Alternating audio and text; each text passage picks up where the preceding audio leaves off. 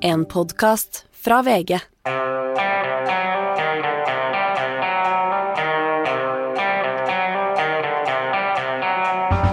Stående applaus for Zelenskyj i Stortinget før og etter talen som appellerte dypt til Norges nasjonalfølelse. Og har suksessen gitt Erling Braut Haaland nykker? Det skal vi snakke om i denne utgaven av Gjever og gjengen. I dag, onsdag den 30. mars. Ja, Hanne, vi sitter her på et hotellrom i Budapest og øh, har sett på tale simultanoversatt øh, oversatt via VGTV. og Jeg vet ikke om det er fordi vi er langt hjemmefra, men det, det appellerte til nasjonalfølelsen vår, dette her. Ja, vi er jo eh, rent fysisk nærmere krigen her, og det kjennes nærmere her i Ungarn enn det gjør i Oslo. Eh, ja, dette var følelsesmessig sterkt. Jeg må si at han begynte å snakke om 17. mai, hvor ukrainske barn skal eh, gå i 17. mai-tog i Oslo. I Norge, da kjente jeg at jeg Det var heftig. this year, together with your children, you will have also Ukrainian children marching. Our Ukrainian children who arrived to seek shelter.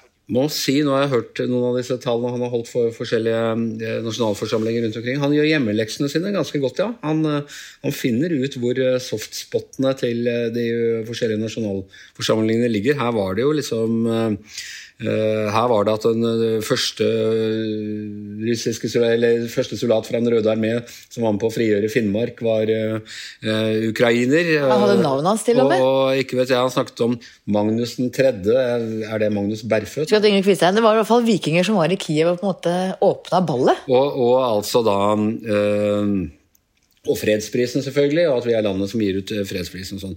Øh, nesten skamløs da øh, appell til øh, hvordan vi, Norge, vi nordmenn liker å, se oss selv, og samtidig noen ganske tydelige krav. Ja, de trenger våpen. Nå ble det kjent i dag at Norge sender 2000 flere av disse. Eh, Men de trenger åpenbart mye mer. Han eh, snakket om eh, gassen, hvor Norge nå skal sende mer gass. og Han håpet at det kunne bli et langvarig samarbeid. Men det er klart, det er en desperat mann, desperat statsleder, som ser landet sitt bli bombet i filler. Eh, 145 barn, som han sa. De hadde tallet på så mange som var drept, antagelig mange flere. Dette er en mann som ut fra desperasjon trygler og ber Vesten om å gjøre enda mer. Og så sa han altså at vi, øh, vi har ikke felles grense, men vi har en felles nabo. Ja. Og gikk jo ganske langt til å si at denne naboen var en slags felles fiende også, og at vår sikkerhet også var, var truet av Russland. Og det har vært hans budskap hele veien, at kampen til ukrainerne nå er en kamp for Europa, for våre verdier, for Vestens verdier, for frihet, ytringsfrihet, alt det som vi lenge har tatt for gitt i vår del av verden. Og, øh, og så ville han også at vi skulle øh, at Norge skulle nekte å la russiske skip anløpe. Og der, der har vi altså Det er jo særlig fiskebåter som, som anløper Norge.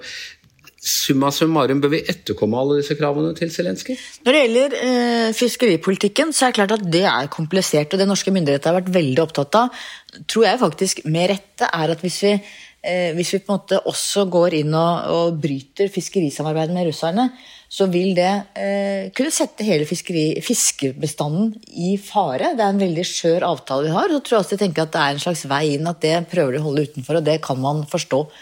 Eh, Men så har vi fortsatt, tror jeg, denne sånne oligarkyachter liggende oppe langs kysten. Som jo De er det ikke så far de er ikke så far, Det er ikke noen fiskebestand som er i fare der. Så mitt svar er vel Anders, at vi bør etterkomme veldig veldig mange av ønskene hans, men vi må jo vurdere dem hvert og en og se hva vi mener er fornuftig som land. Og hva med våpenet? Hvor mye militær støtte kan vi gi før dette øh, begynner å se ut som vi, vi er øh, militært involvert i konflikten på en sånn måte at øh, Russland vil begynne å definere oss som en, en øh, fiende?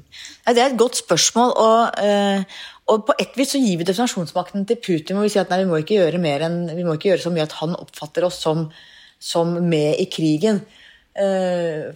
Eh, for Da er det på en måte han som får definere det. Jeg mener at vi skal gi ganske mye våpen. Han understreket veldig Zelenskyj at det var defensive våpen, det er ikke angrepsvåpen, det er forsvarsvåpen, dette. Ja, det var, det var øh, våpen som skulle bare brukes til å, til å sikre øh, sikre fred. Og, men altså, våpen er våpen. De, Jo, men De har jo ikke tenkt å angripe Russland, de har tenkt å forsvare seg mot et Russland som angriper dem.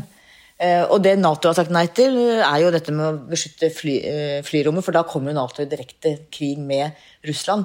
Men det å, å bringe inn eh, våpen som de kan bruke til å forsvare landet sitt, det mener jeg at der skal vi være ganske romslige. Dette med øh, luftrommet, det var jo det var et veldig tydelig opp, bønn om da han snakket i den amerikanske kongressen.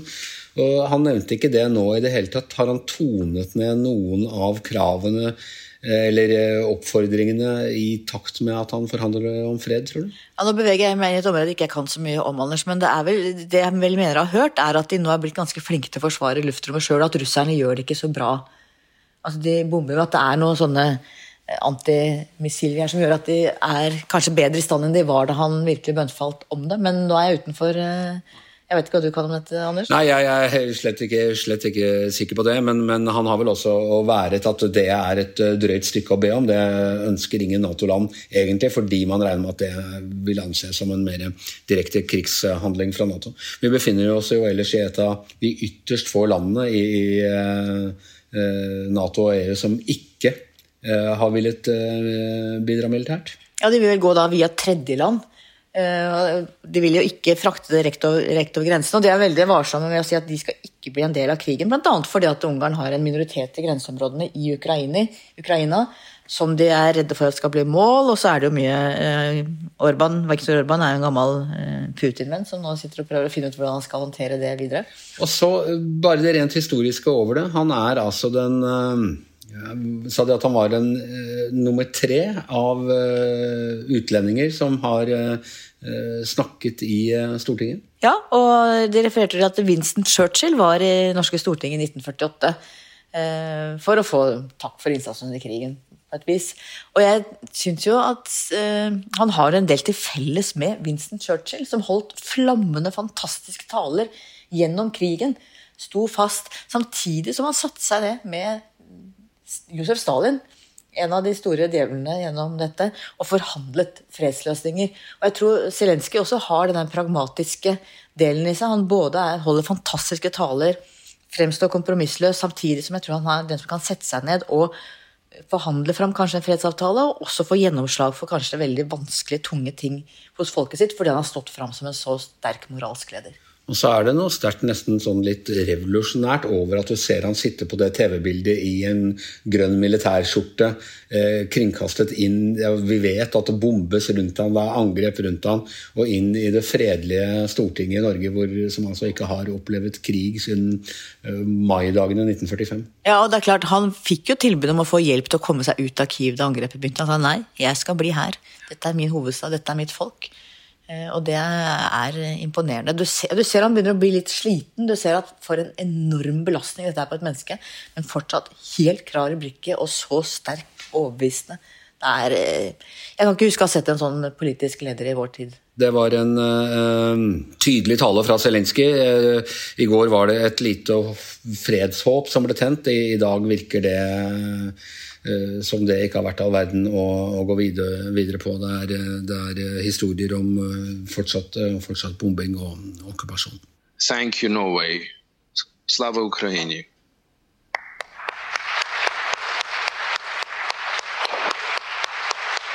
Da skal vi sette over til fotballredaksjonen her i Everøy gjengen, som holder til på et helt annet hotellrom enn oss. Ja, her sitter vi i en hotellresepsjon i, midt i Budapest, er varmt og godt her i fine dager i Ungarn. Ja, det er nydelig her. Våren har kommet til en helt fantastisk by, så det er uh, fint å komme seg bort litt fra hjemlandet. Jeg merker til og med en sånn uh, pollenallergien slår inn hardt der. Det, det, dit har vi ikke kommet til i, i Norge. Men det er grunnen til at vi sitter her nå og prater, vi to. fordi at Anders Giæver er ikke så glad i å snakke om fotball, men det er vi to. Og vi skal åpenbart er verdens, eller Norges største stjerne, og kanskje verdens største stjerne for tida. Eh, Erling Braut Haaland.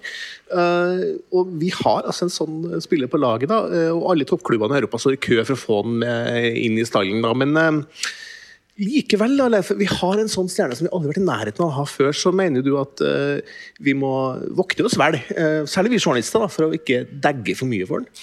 Altså, jeg mener den Saken her har to sider. og Det, det er viktig å understreke den positive siden. Uh, som jo handler om at det er helt fantastisk at vi har en norsk spiller som er så ettertraktet. Det er jo helt ellevilt. Ja, altså, Han er på et stjernenivå som vi aldri har sett. eh, noe være i nærheten av. Og det er klart Han står overfor et klubbskifte som kommer til, altså, til å Det har vært antydet at det kan være snakk om 3-3,5 milliarder kroner igjen, altså, i en totalramme. Og alle store klubbene i Europa ligger langflate etter han. Og Forståelig nok, fordi han er en garantist for mål og ja, han har jo da stjernekvalitet, hele, hele personen. er liksom. en, alle vil jo ha en toppklasse avslutter, og det, det er jo virkelig Erling Braut Haaland. Så det er jo et eventyr uh, av en annen verden. Eh, Samtidig så er det noe som av og til er litt vanskelig i sportens verden. og Det er å forsøke å ha en prinsipiell tanke og faktisk holde på den. Som jeg mener er litt vesentlig, at man ikke bare blir sånn værhaner og vender kappene etter vinden. Og det er noe med at vi er Veldig mange er egentlig enig i at eh, den internasjonale fotballen altså utvikler seg til å bli en veldig kynisk eh, milliardindustri som har en del sider som er rett og slett eh, veldig lite sympatiske. Og da er det jo en side av dette nå at det mest ekstreme eksempelet på den hyperkapitalismen har altså en, en norsk spiller eh, i en helt sentral rolle. Og da er det også, er det også interessant. Eh, Men hva, hva er det med Haaland? Hva, hva er det med hans situasjon som, som kanskje er sånn ekstra bekymringsfullt?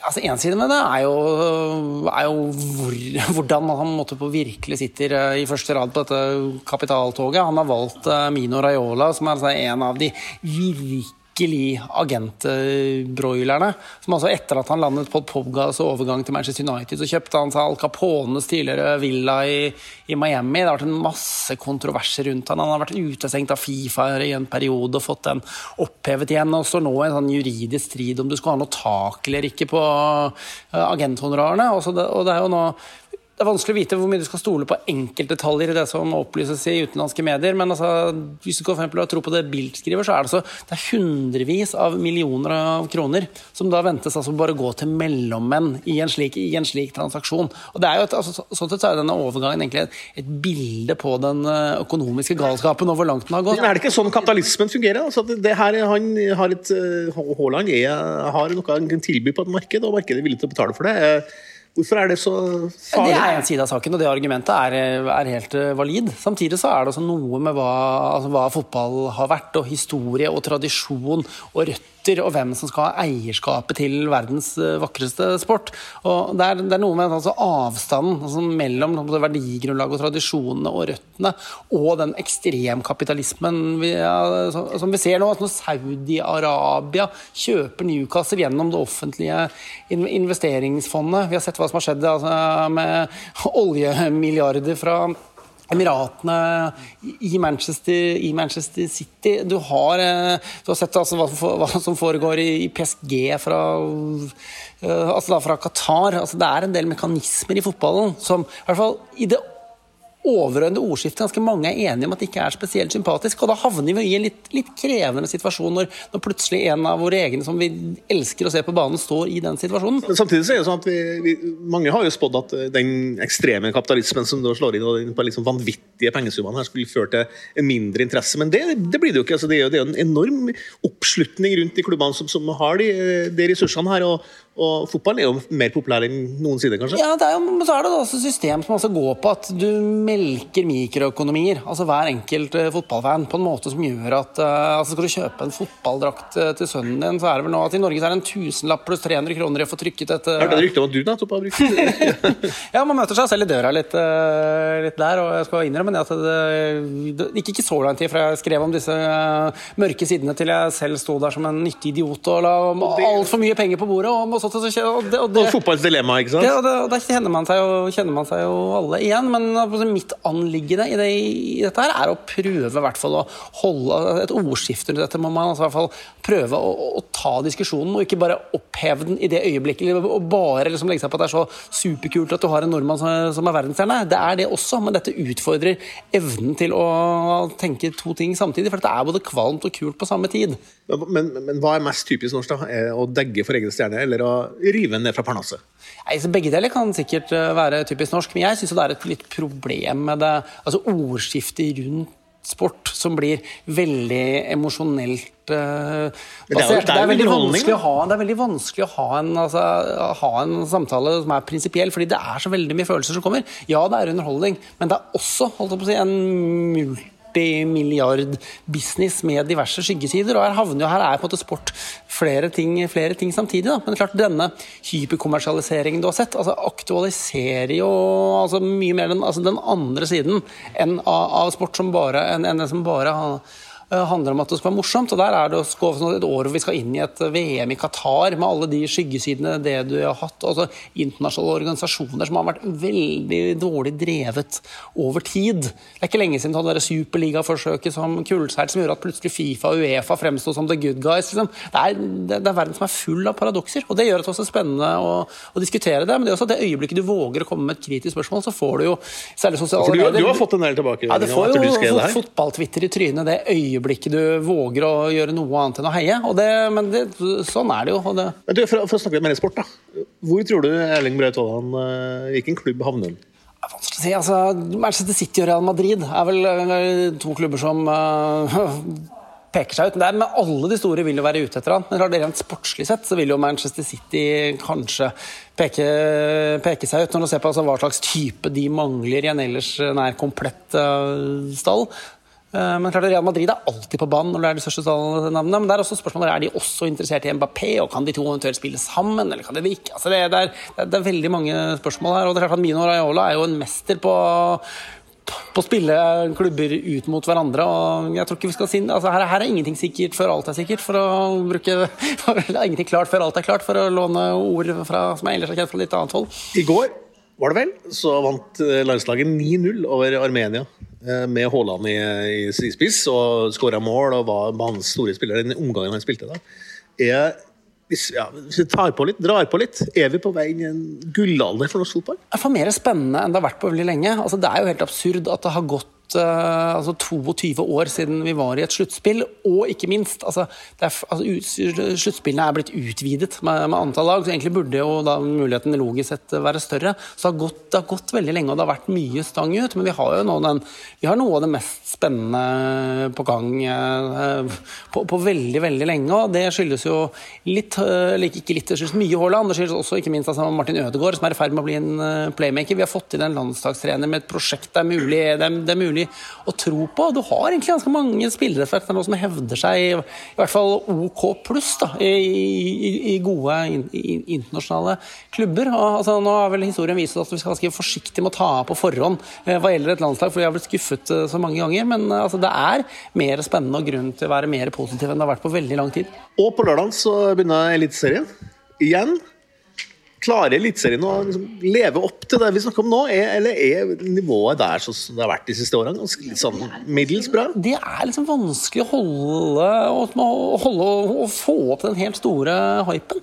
Du har sett Bodø-Glimt som har utviklet seg og blitt et helt fantastisk fotballag. Det er veldig mye altså, glede rundt hva de har fått til i Europa. Men, men, altså, men serien som sådan, å holde interessen og holde øh, gnisten i det, gitt altså, kampen om folks tid. Og det er jo en av de største fiendene for fotball. Altså, det er så hard kamp om hva folk skal bruke fritida si på. Da få folk til å betale penger for å ville gå på stadion i tilstrekkelig grad osv. Det, det, er ikke enkelt. Nå er all verdens fotball på et høyeste nivå. Altså, det, det er tilgjengelig øh, nesten hver, eneste, sånne- nesten hver eneste dag. ikke sant? Så. Ja, alle sånne fotballpappa som oss, vi, vi har jo abonnert på alle de kanalene som finnes, så vi ser jo fotball hele tida.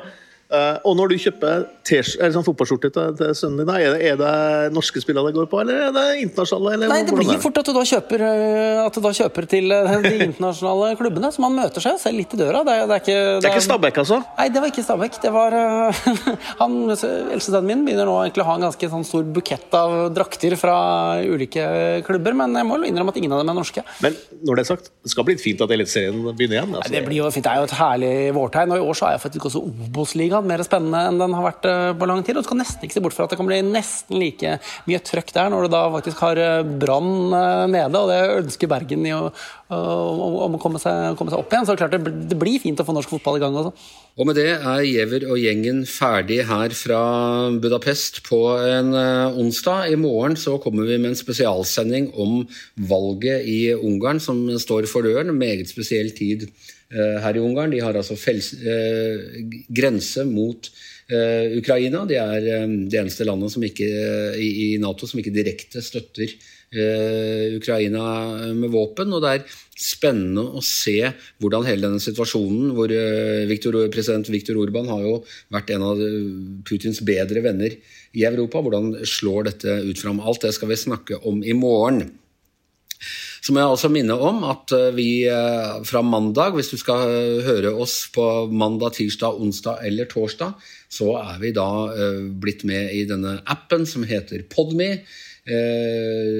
Den kan du få bl.a. hvis hvis du eh, tar et abonnement på VG pluss til 99 kroner, så er vi en del av det glimrende tilbudet du da får av tilgang på, på, diverse eksklusivt VG-stoff.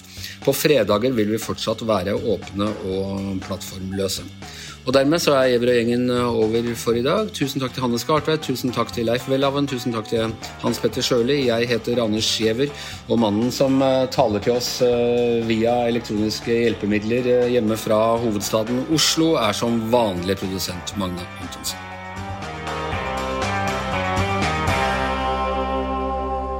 Du har hørt en podkast fra VG. Ansvarlig redaktør, Gard Steiro.